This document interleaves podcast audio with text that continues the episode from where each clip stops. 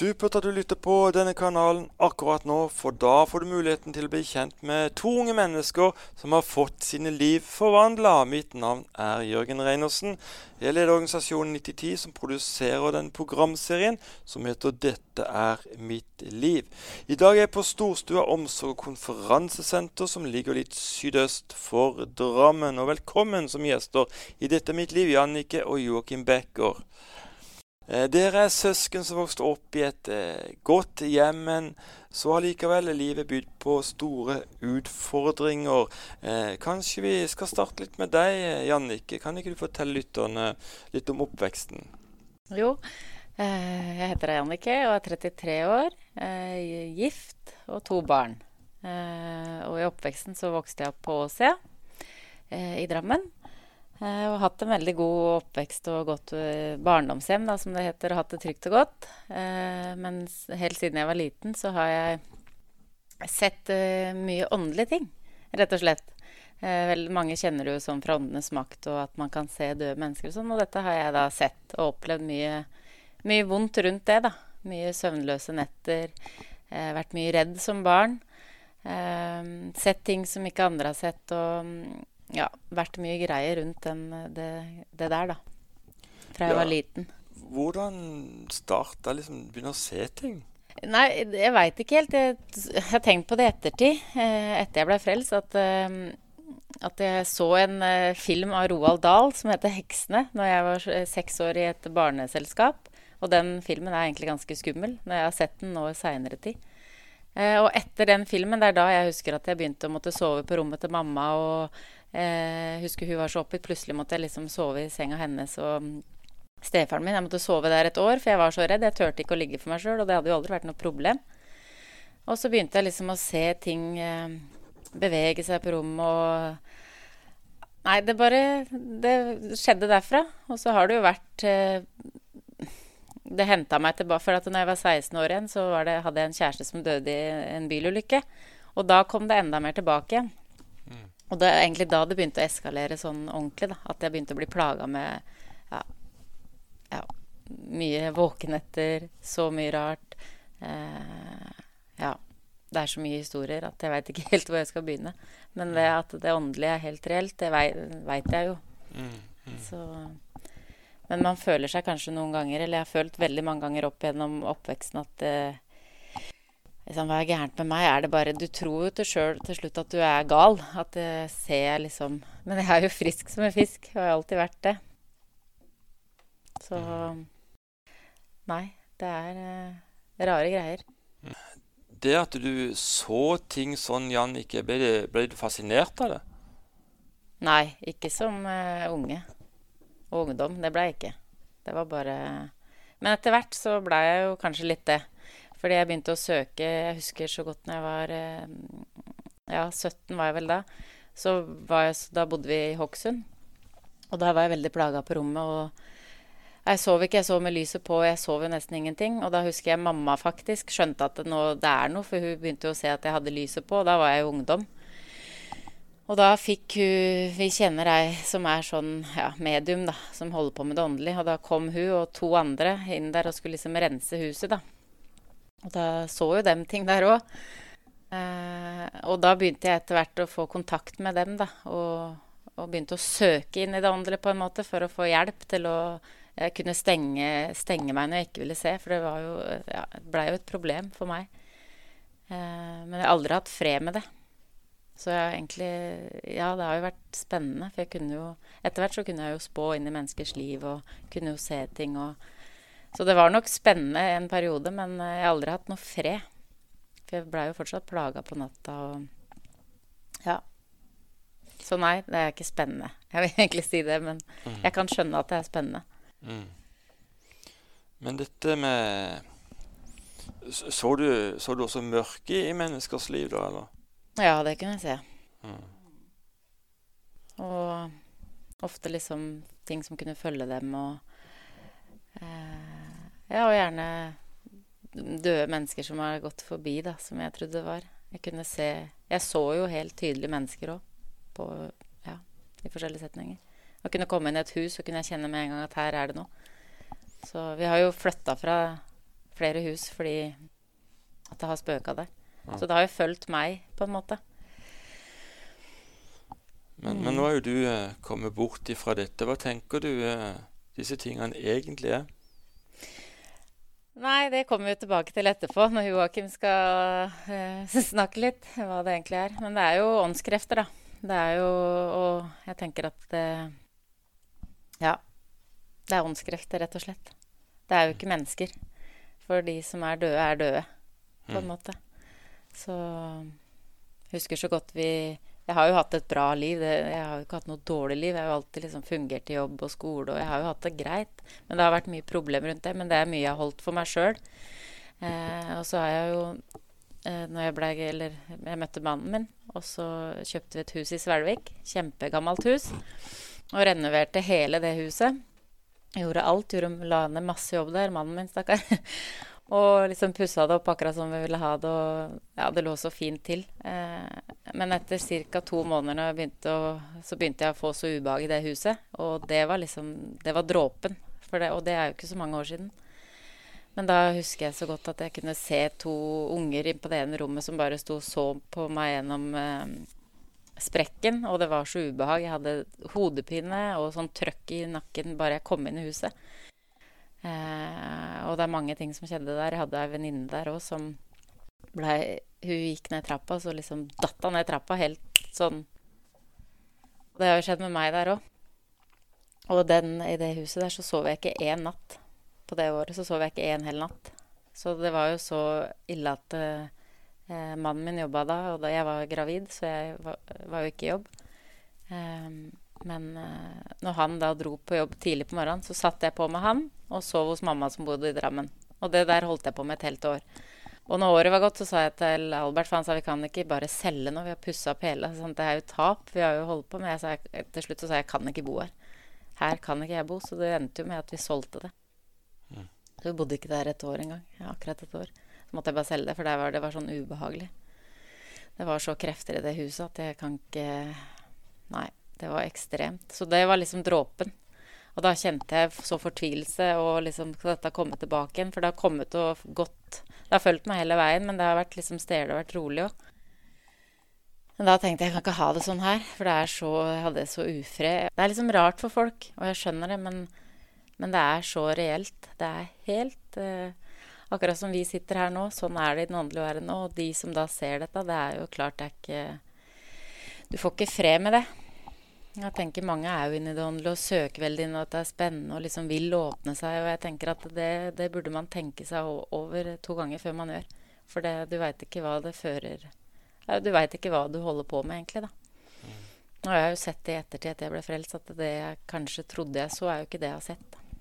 Du lytter på programserien 'Dette er mitt liv'. Mitt navn er Jørgen Reinersen. Jeg sitter her på Storstua omsorg konferansesenter med Jannike og Joakim Becker som er dagens gjester. og Vi skal la det henge litt i lufta, dette Jannike nettopp har fortalt. Hun så eh, masse forskjellige ting på forskjellige steder som ikke var så lett å forklare. Men eh, Joakim, eh, du må fortelle det, det, stedet Storstad har betydd mye for deg, men vi skal starte litt tidligere mm. i livet ditt. Du begynte tidlig å røyke og, og drikke. Ja.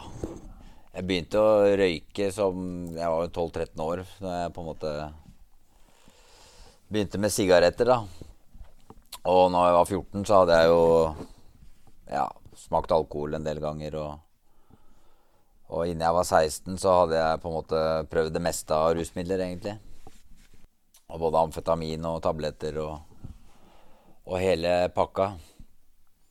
Og så jeg hadde jo som Jannicke, vi vokste opp i et trygt hjem og hadde det foreldre som brydde seg og hadde det godt i oppveksten. Og, så det var et sånn spennings... Eh, ja, behovet etter spenning som gjorde at jeg på en måte skeia litt ut, da. Og da jeg var 19 år, så hadde jeg blitt arrestert i Tønsberg etter noe kjøring i, uten, kjøring i påvirka tilstand. og og da jeg, kjørte foreldra mine meg til behandling som 19-åring.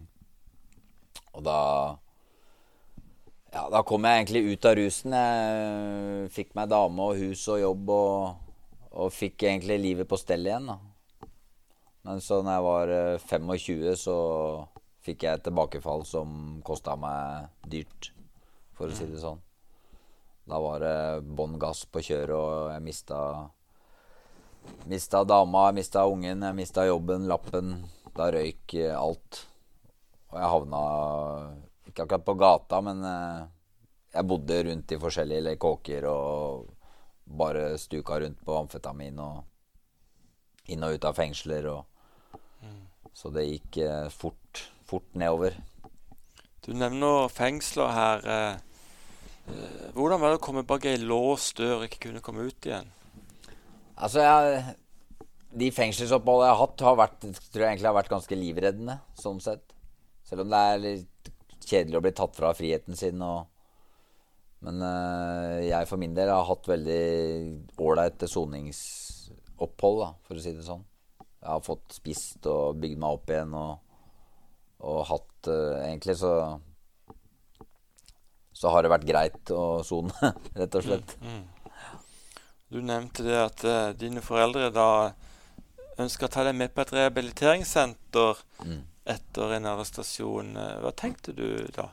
Det var, det var, litt kjipt. Det var ikke noe Jeg hadde liksom ikke noe valg. De kom og henta meg, og det var ganske bastant.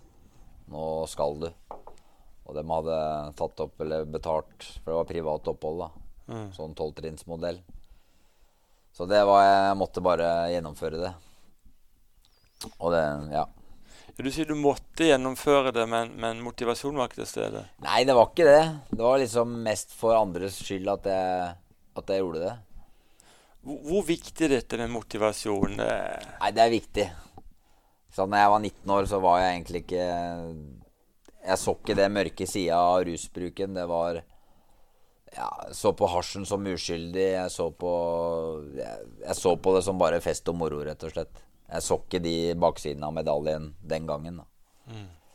Men det er klart, jeg var på en permisjon, og siden jeg var vel på en måte at jeg fikk, eh, fikk inn, gikk inn i et forhold og møtte ei dame og sånn som, som, egentlig holdt meg i strikken, for å si det sånn. Mm.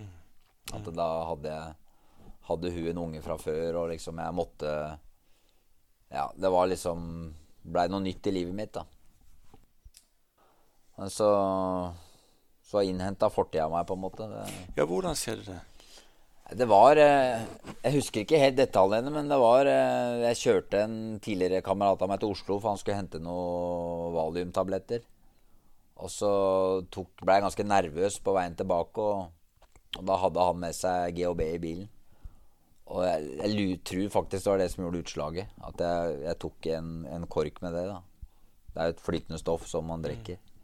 Og på en måte fikk den der oh, gode følelsen og Jeg tror det er det som gjorde utslaget. Skal ikke mer til? Nei. Skal ikke det. Jeg hadde jo De åra jeg var nykter, så var det litt sånn alkohol i helgene men det var et mer normalt forhold til det. da mm. Men så Nei, så gikk det skikkelig Det gikk skikkelig gærent, rett og slett. Når det først raste, så raste det ordentlig? Ja. Og så blei jeg fengsla en På en måte, jeg mista jo jobben og alt det, og så kom jeg inn i en fengselsdom i Drammen fengsel. Og ut fra den dommen så satte jeg mitt første, første skudd, da. Da på en måte blei det en litt styggere utvikling i og med at jeg begynte å injisere stoffer rett i kroppen. Så ja, da var det egentlig ikke noe vei tilbake, sånn sett. Tok du noen overdoser? Ja, på GHB-en så tok jeg mange overdoser. Jeg våkna Jeg har ikke tall på mange ganger jeg våkna opp på, på sjukehus rundt forbi. Både i Drammen og Kongsberg og Tønsberg har jeg våkna opp på.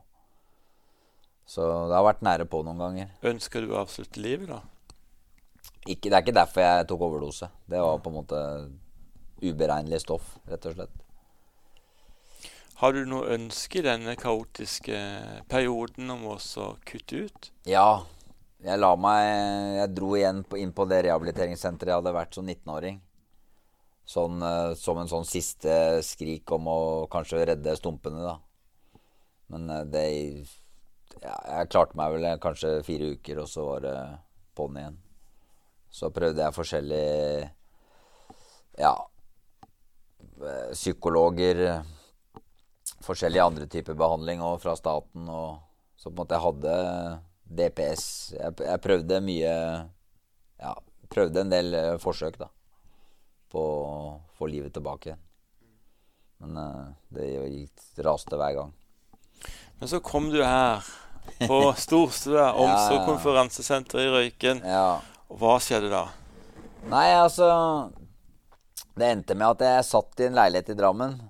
Og da hadde jeg Jeg vet ikke om jeg var selvmordskandidat, men jeg hadde veldig lyst til å Jeg så ikke noe glede igjen i miljøet, og, og det var ganske svart.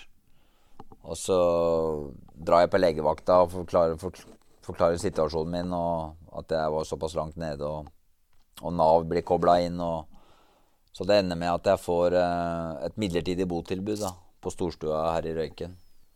Som en sånn som tak over huet-tilbud fra Nav. Og så er jeg jo her og er jo ganske knekt i psyken når jeg kommer hit, og ganske ødelagt i forhold til angst og frykt. Og sliter med å se folk i øya her. Og... Men eh, det er jo en kristen plass, da. Så jeg er med på litt møter etter hvert, og på en måte begynner kanskje å skje en endring i sinnet mitt. Og, og så kommer det en, en som hadde vært tidligere narkoman, en som heter Svein Norvik, som, som forteller meg at, uh, at det fins en bedre vei. da. At uh, Han ser meg i øya og sier du må, du må ta imot Jesus. sånn. tenkte jeg først wow, Jesus, liksom. Det er det siste jeg hadde tenkt på. Og så, så blir jeg med han inn i møtesalen der og, og ber en bønn etter han. Da. Og nå sitter jeg her i to og et halvt år etterpå med et forvandla liv som jeg ikke trodde var mulig. Det blei en helomvending, og, og all, jeg har ikke hatt russug siden. Og jeg, jeg, har blitt helt fri og kan se folk i øya igjen. og så det skjedde et mirakel i livet, rett og slett. da. Og ja. Det, så du, du fikk ikke abstinenser i det hele tatt? Nei. Ingenting. Det er spesielt. Ja, det, var, det er jo det. Og ikke Ja, og så at det, ja, det var den angsten jeg satt med. Som på en måte At det slapp så fort, det var bare et mirakel. Mm. For det skjedde bare i løpet av sekunden, så var det kunne jeg plutselig snakke med folk og se folk i øya. Og... Så det var så radikalt, eh, det som skjedde, at, uh, ja, at jeg skjønner ikke sjøl engang. Jannicke, hva skjedde med din bror? Nei, jeg blir så glad. Jeg har hørt denne historien mange ganger nå, men jeg blir jo like glad. Nei, det var jo helt Og ikke bare Jeg må bare si det at han var jo Når han kom inn her, så var han jo Han så jo ut som et lik. Han hadde jo ikke kjøtt på kroppen. Og det òg blei jo forvandla radikalt. Så det var jo et uh, mirakel. Det, er, det, skal ikke være mulig at det på Jeg veit ikke om det var noen dager bare, så var, så det ut som han aldri hadde rusa seg. Og det er mange år i rus, altså. Hard rus. Så det er også sånn det, det Ja, jeg veit ikke. Og verden må bare skjønne at det er, det er et mirakel. Er, ja. Men du hadde den bakgrunnen i det åndelige. Du mm. hadde sett masse forskjellig, og så ble mm. din bror totalforvandla ja. etter møtet med Jesus. Hva tenkte du? Nei, egentlig så burde jeg jo skjønt det der og da, men det tok jo litt lengre tid for meg. Eh, for jeg har jo fulgt han eh, hele veien da i hans ruskarriere, om man skal si det sånn. Så når han kom inn her, så tenkte jeg ville jeg jo bare være med i starten for å støtte han. Jeg var jo egentlig livredd for at han skulle ha ramlet utpå igjen. Men uh, da var jo han på meg, da. ikke sant? Da hadde jo han begynt å lese i ordet. Og så sier jo Der står det jo om disse tinga. Så begynte han å si det til meg, og da Nei, det var veldig spesielt. da sier jo han det er jo åndskrefter, og du må ikke Det er ikke døde mennesker du ser. Og jeg tenkte jo at det nå har ramla for den. Jeg tenkte jo Jeg lurte på hvor, hva slags sted det her var først, faktisk. Men uh, det viste seg å være sant. Mm. Så da Ja, jeg, jeg, var med på noen møter og sånn, og så, jeg, eh, så tok jeg imot da, på et møte her. Um, jeg veit ikke egentlig om jeg hadde så lyst å ta imot, men han, eh, det var Peter så, så, så, sa han har du noe å tape på det. Så tenkte jeg nei, jeg har jo ikke det. Og så var det jo alt dette som hadde skjedd med Joakim. Og så ba jeg Jesus inn i hjertet mitt. Det er en veldig enkel frelsesbønn. Og så husker jeg så godt når jeg kjørte hjem da, det herfra da, så så jeg på liksom hele naturen på en helt annen måte. Og det var så uh, veldig spesielt. En sånn kjærlighet som jeg ikke har kjent før. Eh, og så like etterpå så var Svein Nordvik på meg og sa at du må døpe deg. Eh, og så gjorde jeg det òg. Og da, i dåpen, når jeg døpte meg, da, da kom det en sånn indre ro. Eh, og en sånn kraft i meg som jeg aldri har kjent før. Og da bare visste jeg at nå er jeg løst fra alt. Og siden det så har jeg ikke hatt en eneste våkenatt. Jeg har ikke sett et eneste syn. Eh, jeg løste fra alt det som har plaga meg i så mange år. Så jeg takker bare Jesus hver dag for det, og er så Nei, det er eh, Åh. Jeg har så eh, lyst til at andre òg skal få tak på det her. For det er den jeg sier det til Joakim så mange ganger òg når vi er ute og går, at om de bare kunne kjenne den roen som Jesus gir, om de bare kunne kjenne på det ett sekund, så ville de tatt imot. For det er en sånn ubeskrivelig ro som verden kan ikke gi det. Og det står jo i ordet òg. Eh, så dette må bare ut. Evangeliet må ut. Fantastisk. Ja. Jeg må også spørre deg, Joakim. Du fikk ei forandra søster. Jeg gjorde det. For jeg ringte jo Jeg har alltid det, Hun har jo opplevd disse tinga. Men jeg har alltid på en måte bare flåsa henne. For jeg har aldri vært åpen for sånne ting. Og jeg har alltid tenkt hva er det som feiler hun. Jeg er, liksom, jeg er narkoman, og så er det hun som ser ting som ikke er der, liksom. Men jeg skjønte at det var eh, demoner, rett og slett. da. Og ringte Jannik og sa vet du hva, det du holder på med, det må du slutte med. I medium og, og spåing og alt dette her. Jeg skjønte jo at det var uh, mørkets uh, ting hun holdt på med. Og så hun ble litt provosert i starten når jeg ringte, for det var på en måte blitt en del av livet hennes. da, Å møtes og, og holde på med sånt. Men uh, hun tok imot Jesus, hun òg, og, ja, og har fått en brann som Ja, det er uh, fantastisk. Så vi har på en måte blitt litt sånn raringer i familien, vi to nå. da. De tror vi er i en sånn boble, men uh, sånn er det. Vi har hatt en mormor da, som har bedt for oss. Det er viktig å ha med, for det for hun har bedt Når jeg havna på kjøret, så var det en egen bønnegruppe i Stavanger med hennes venninner som ba for meg. da. Og bedt for Jannik og bedt for familien. Så du hører på programserien 'Dette er mitt liv'. Mitt navn er Jørgen Reinertsen. I dag er jeg på Storstua, omsorg konferansesenter i Røyken. Og jeg sitter her med søsknene Joakim og Jannike Becker, som er dagens eh, gjester. Og dere har fortalt mye fantastisk. Eh, du, Jannicke, var i det alternativet. Og så fikk du en forvandla bror som uh, fikk uh, forvandla liv med at han kutta ut rusen og fikk møte Jesus. Og, og, nå tjener dere Jesus sammen. Jeg må fortelle, Nå er det jo bare to-tre år siden dere møtte Jesus. Hvordan har livet vært i etterkant? Nei, det har vært ja, det har skjedd så mye på, de, på to og et halvt år nå som jeg ikke hadde trodd var mulig. Og jeg fikk jo Rett etter jeg tok imot Jesus, så fikk jeg være med en evangelist rundt i menigheter i Norge og, og fikk eh, se at eh, man kunne legge hendene på syke, og folk ble helbredet. Og, og fikk lov å, å gå denne veien sjøl òg, da. Lese i ord og, og, gjøre det som sto. Og har fått sett at det, at det virker. Så jeg har hatt en, jeg har hatt en sånn eh, driv til å gå ut da, og vitne for andre. Også, også, i det gamle rusmiljøet som jeg var en del av. Og jeg også har vært ofte nå tilbake og, og sagt til dem at det fins en utvei, og at, at, Jesus kan sette dem fri. Hvordan reaksjoner får du? Det har vært veldig positivt. Absolutt. For dem eh, Det er nok ikke mange av mine gamle kamerater som trodde at jeg skulle stå så lenge. Og det, mange trodde sikkert det var et blaff. Men nå ser jeg meg For jeg er med og deler ut mat hver mandag i det miljøet, da. Og da ser de uke for uke. Jeg trenger ikke å si så mye nå. De bare ser. Og jeg ber for dem, og, og det, det, skjer ting i det rusmiljøet i Drammen, og det er jeg overbevist om. Men uh, har fått, uh, jeg har fått lov å gå denne veien og, og være, vært med ut med gatekirke på gater og streder og gå bort til folk og bare spørre om de tror på Jesus. Og jeg har vært, blitt frimodig, rett og slett. da. Så det, så det er en sånn uh, Det å gi det ut til andre. For det, det kjennetegner jo ikke nødvendigvis en rusmisbruker å være frimodig. Det er mer folkesky. ja, sant. ja. Så det er et under, det òg.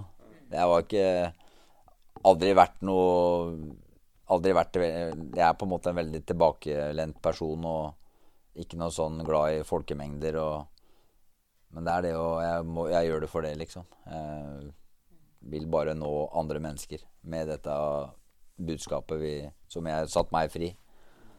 Og jeg blei ordentlig fri òg. Og du også, Jannicke, har kobla deg på dette med å være ute? Ja da. Det, jeg jobba jo Posten når jeg var frelst, så jeg trivdes egentlig veldig godt der. Men så begynte liksom å kjenne noe som dro meg, at jeg liksom tenkte nei, ah, det er ikke her jeg skal være nå. Og så slapp ikke det tak. Og det kom liksom mer og mer tanker at jeg hadde lyst til å ja, ut og vitne om, eh, om hva Jesus hadde gjort for meg og for Joakim. Og så blei det vel bare begynte jeg å snakke litt med mannen min om det, og så sier jo han litt sånn det kom, Så sier han at ja, si opp jobben, da, vet du, så kan du og broren din begynne å selge sokker og vitne om Jesus på dørene. og akkurat når han sa det, kjente jeg bare i min ånd at ja, det skal vi. Og så ringte jeg han, og så sa jeg dette, og han liksom bare er det Hæ?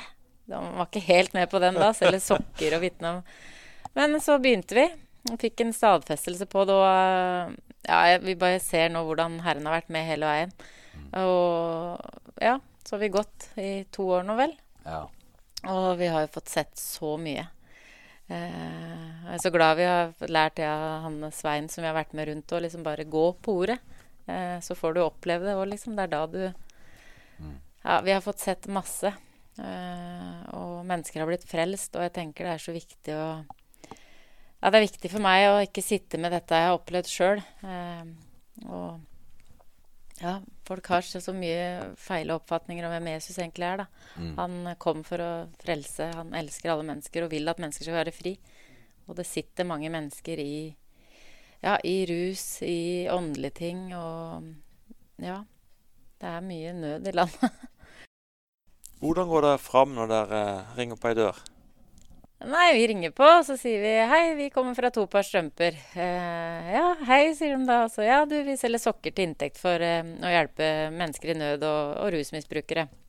For å gi litt av inntekta til rusmisbrukere òg. Og så sier de jo liksom ja, så sier vi ja, så kjøper de, eller så kjøper de ikke. Så sier vi ja, tror du på Jesus? Eller kjenner du Jesus? Eller vi går fram på forskjellige måter hver gang, egentlig, men vi er eh, ja, vi, har jo, vi vitner. I og med at vi bruker en del tid og sånt på å hjelpe folk, så har vi den inngangsporten at vi selger sokker for å hjelpe folk ut av rusmiljøet. da. Så er jo vel det en god sak som mange vil støtte eller ikke støtte, men uh, så får vi alltid en mulighet til å fortelle om Jesus. Hva han, han ble løsninga. At uh, han satte meg fri fra ti år på kjør. Og så spør vi hvis det er mulighet om, det er, om de er friske, eller om de Ja, så vi får mulighet til å be for folk og ja, så har vi jo sett under har skjedd på dørstokkene til folk. Og ei dame som ble helbreda for sånn fibromyalgi og angst og bare ved en enkel bønn. Mm. Så vi opplever at det virkelig At vi har kraft når vi går, og at vi At det faktisk Gud har kalt oss til å selge sokker. Alle ting. ja, jeg husker i starten. det er spesielt. Ja, jeg var ikke så frimodig i starten, for jeg er litt sånn som Joakim. Jeg er ikke jeg er ikke veldig glad i å ja, men uh, jeg husker liksom i starten jeg var så litt nervøs for å ringe på, hva skal vi si, liksom. Men jeg kjenner jo det at man blir jo mer og mer frimodig. Og nå er det jo bare rett på med evangeliet til alle. Ingen som slipper unna. Og de aller fleste er faktisk veldig, veldig hyggelige. Og mange er også åpne for uh, å høre om evangeliet. Og så er det veldig fin inn, altså innvinkel det med Joakim, for vi sier jo det at uh, nå hjelper vi rusmisbrukere, for han er tidligere narkoman som ble frelst for to år siden. Fikk et møte med Herren, og så folk ja, reagerer veldig fint på det, altså. Fantastisk. Og så reiser dere også da rundt i Norge og har møter? Ja. Eller vi er med Svein Norvik i, Ja. på møter. Kristiansand har vi vært med fast en gang i måneden.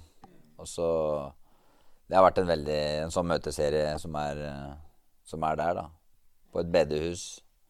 Da har jeg fått sett mye Og Jeg har sett mirakler skje der, og uhelbredelige sykdommer som mennesker har blitt fri fra. Så jeg bare, jeg bare veit at det er sannheten vi har, og jeg bare elsker å gå, gå ut med det. Rett og slett. Du må fortelle litt grann, eh, hva storstua har betydd for deg. Ja, det er jo betydd enormt. Det var jo her jeg, jeg kom inn og blei frelst og blei tatt imot med en kjærlighet. Og, og blei boende her i to år. Og fikk vært på møter hver kveld og fikk eh, blitt eh, ja, ja, rett og slett blei ble tatt hånd om av et fellesskap og virkelig fått mange nye venner og fått mange støttespillere rundt meg som har vilt meg vel, og som har, hjelp, hjulpet meg til dit jeg er i dag. Da. Så det er en fantastisk plass hvor det er omsorg og kjærlighet, og hvor mennesker kan bli sett og, og få dekt behova sine. Så det har vært en uh, livredning for min del. Så det, at jeg kom hit, er jo derfor jeg fikk fått det livet jeg har fått. Det er et veldig spesielt sted her, for det er et slags arbeidstrening også for en del mennesker som sliter. eh, Men det er jo også et hotellanlegg, og hver eneste kveld her så er det jo møter. 365 dager i året. Det tror jeg er ganske unikt i Norge. Ja, det er både omsorgssenter og så konferansesenter, og så er det jo van, det er jo vanlig hotell. Ja, ettervern drives her, og bønnesenter og Så det er mye, mye bra som skjer her. Ja. Det er helt sikkert. Spiser godt her. Ja. Eh, Vi kan jo anbefale lytteren ta en tur til Ja. Storstua omsorg Ja. konferansesenter. Hvis du skal ha en tur til Oslo, så ta en tur her, eller ta bare turen for å reise til Storstua. Det er så mange som har fått oppleve så mye godt her. Eh, har dere avslutningsvis lyst til å komme med en hilsen til lytterne? Ja eh, Jeg har jo sagt det Altså, det jeg vil bare si, er at gi Jesus en sjanse. Eh, hvis du sitter og hører på noe og ikke er frelst, da, eh, og hørt på det vi har snakka om nå, så bare be en hvis du, Eller hvis du har noe Sitter med noe greier i livet ditt eller noe, så gi Jesus en sjanse, for han er virkelig den han sier seg være. Og ha, be han inn i hjertet sitt. Det er en enkel bønn, så vil han møte deg der du sitter nå. Og han eh, vil fri deg ut fra det du sitter i. Og han er verdt å bli kjent med. Å ha Jesus i hjertet sitt, det er det beste du noen gang kan gjøre. Og jeg pleier å si det sånn, hvis noen hadde gitt meg ti millioner, så hadde jeg sagt nei takk. For Jesus er Vet du, Han er veien, sannheten og livet. Og, og det må oppleves. Du kan ikke bare høre, men du må gi det en sjanse. Eh, og den eh, roen nå man får, ja, den er Ta imot Jesus. ja. Det er bare det jeg må si. Ja, altså jeg må bare si meg enig med det, holdt jeg på å si. Jeg hadde mange år med nåla i armen. Jeg var eh, et skikkelig Jeg var skikkelig ute å kjøre. Og jeg prøvde alt av behandling. Jeg prøvde alt for å bli fri, men jeg klarte ikke å bli fri. Men jeg bare ba Jesus en enkel bønn. Jesus tilgi meg min synd. Og etter den bønnen så har, sitter jeg her nykter i dag og har ikke lukta på en ølkork engang. Til og med slutta å røyke sigaretter. Det er også et mirakel. Så jeg veit at han er sannheten. Jeg veit at han ønsker å At det er ingenting som han ikke kan tilgi. da. Han er en tilgivende gud, og han er en god gud. Og det er ikke noe religion. Det handler ikke om religion. Det handler ikke om noe kirke. Det handler om å kjenne han. Og det er et liv som er verdt å leve. Og jeg var en spenningssøkende Var glad i å hoppe ja, drive med utfordrende ting. I hopp, fallskjermhopping, og jeg var sånn spenningssøker. Men han fyller alle de behova jeg har. Med å, jeg har fått et spennende liv.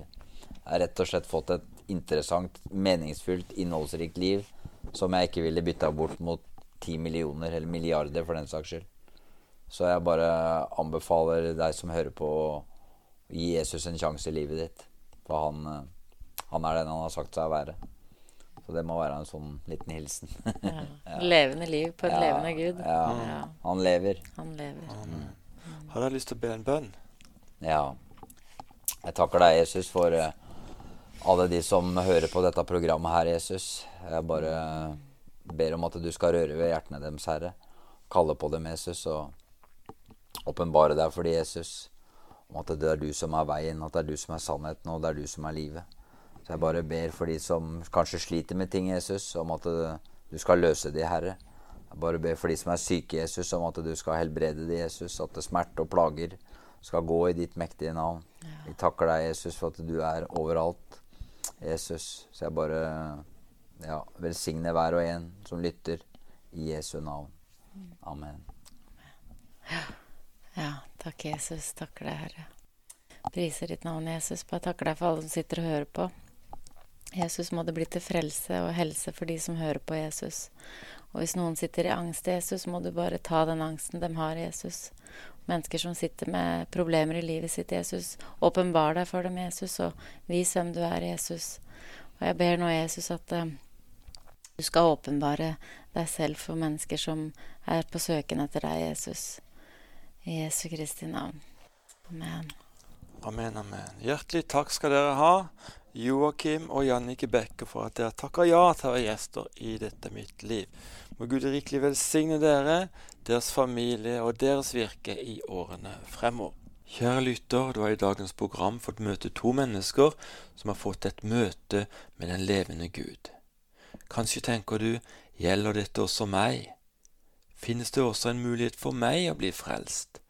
Eller kanskje du tenker, finnes det håp og hjelp i det mørke jeg opplever akkurat nå? Ja, da har jeg gode nyheter til deg. Jesus sier i Johannes evangelium kapittel 8 vers 12, Jeg er verdens lys. Den som følger meg, skal ikke vandre i mørket, men ha livets lys. Og i Johannes evangelium kapittel 14 vers 6 sier Jesus, Jeg er veien, sannheten og livet. Ingen kommer til Faderen uten ved meg. Så nå, kjære lytter, kan du slutte å lete lengre. Jesus Kristus er nemlig meningen med livet, og han kan fylle all din trang i herlighet i Kristus Jesus. Om du ønsker å ta imot Jesus som din Herre og Frelser, kan du be denne bønnen etter meg. Jesus, jeg kommer til deg nå slik som jeg er. Tilgi meg for mine synder. Jeg tar imot deg som Herre og Frelser i livet. Takk at jeg nå kan kalles et Guds barn, fordi ditt ord sier det. Vi vil veldig gjerne komme i kontakt med deg som ba denne bønnen, slik at vi får mulighet til å sende deg et Nytestamente sammen med litt annen litteratur. Du finner meg, Jørgen Reinersen, på Facebook, eller du kan gå inn på vår hjemmeside 9010.no. Dette staves slik n-i-t-t-i-e0.no.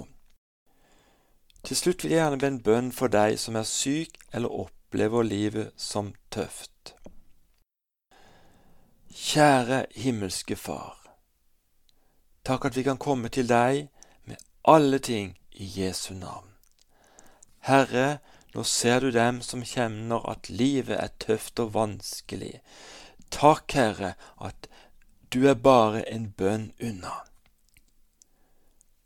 Takk at også i dag rekker du ut din hånd til tegn, under og mirakler. Ja, du er den samme i dag, du forandrer deg ikke. Nå ber vi i Jesu navn om legedom for alle slags sykdommer og plager. Takk at du også er herre over våre omstendigheter. Takk at du kom med lys, med håp, med liv og med kjærlighet. Jeg ber om at din fred skal komme over alle som lytter på dette programmet. La de få kjenne hvem du virkelig er, Herre. All pris og all ære ifra evighet til evighet til deg, Gud, i Jesu Kristi navn. Amen. La meg helt til slutt, kjære lytter, oppfordre deg til å invitere noen på en kopp kaffe neste gang denne programserien går på lufta. Vi tror det kan bli mange gode og viktige samtaler etter disse programmene. Vi takker så mye for i dag og ønsker deg det beste av alt Guds velsignelse.